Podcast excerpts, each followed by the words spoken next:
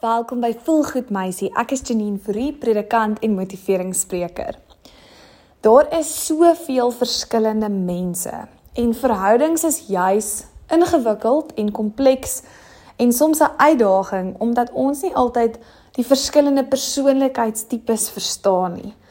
Almal is ongelukkig nie soos jy nie en soms is dit ook 'n goeie ding, anders was die wêreld maar baie vervelig. Almal hou nie van dieselfde dinge nie en almal reageer nie dieselfde in sekere situasies nie.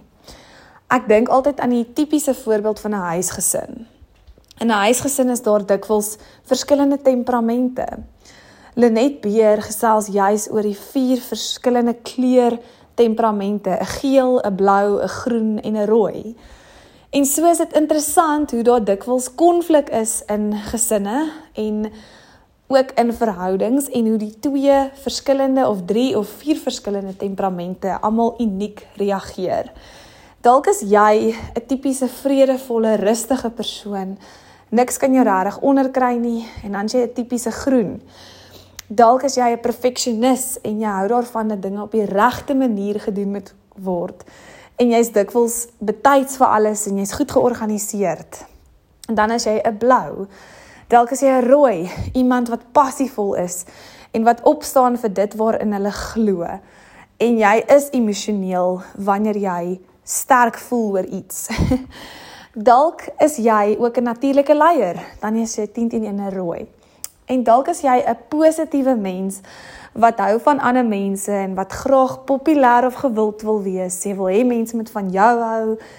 En jy's jy's vrolik en die lewe is vir jou 'n lied en Jy wil graag kleur hê in almal se lewens en kleur saai in almal se lewens. Dan jy 10 teen 1 geel.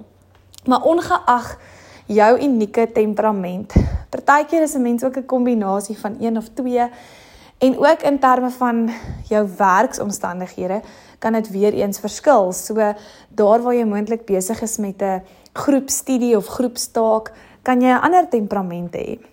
So 'n mens is regtig kompleks. En die belangrikste van alles, die les wat ek met die jare geleer het, is dat ons ongelukkig so verskillend is dat 'n mens eintlik maar net moet aanvaar dat sekere mense is soos wat hulle is, maar daar's 'n rede hoekom hulle so is. En al is dit vir jou regtig moeilik om daardie mense te verstaan, is dit nodig om hulle nog steeds te respekteer en lief te hê op 'n goddelike wyse en om maar te weet Hulle is dalk glad nie soos jy nie. Hulle frustreer jou dalk omdat hulle juis nie soos jy is nie. Het sy of dit nou jou ouers is en of dit miskien 'n onderwyser is of 'n ander vriend of vriendin. Jy gaan eintlik niks kan doen om daardie persoon te laat dink soos wat jy dink of om dinge te sien op die wyse wat jy dit sien nie. Iets wat ek wel geleer het is dat tegnologie ook baie keer dinge nog meer kan kompliseer. So voordat jy dan vir daardie persoon 'n lelike SMS stuur, dink twee keer en sien hulle dalk eerder in persoon en praat met hulle in persoon want baie miskommunikasie gebeur ook deur die gebruik van 'n soos 'n WhatsApp boodskap of wat ook al.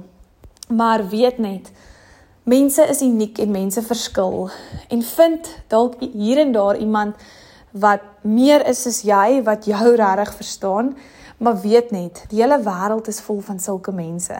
Dit help nie ons neem aanstoot nie. Dit help nie ons probeer om hulle te verander nie. Ons kan net vir hulle bid en ons kan ook vra dat die Here ons help om hulle met deernis te hanteer en om meer geduld te hê en om nie sekere dinge te persoonlik op te neem wanneer sulke mense iets lelik vir jou sê of iets snaaks omtrent jou doen of snaaks teenoor jou reageer nie. Ek sê altyd die lewe werk so. 'n Mens eet 'n wart lemoen en jy spoeg die pitte uit. So kies dit wat waardevol is wat jy dalk by daardie mense kan leer of van hulle af kan vat. En dit wat jy voel net kritiek is en wat negatief is vir jou, spoeg dit uit soos wat jy die pitte van die wart lemoen sou uitspoeg. Jy het nie nodig om daardie kritiek persoonlik op te neem nie. En dan laat jy dit net soos water van 'n een se rug afrol.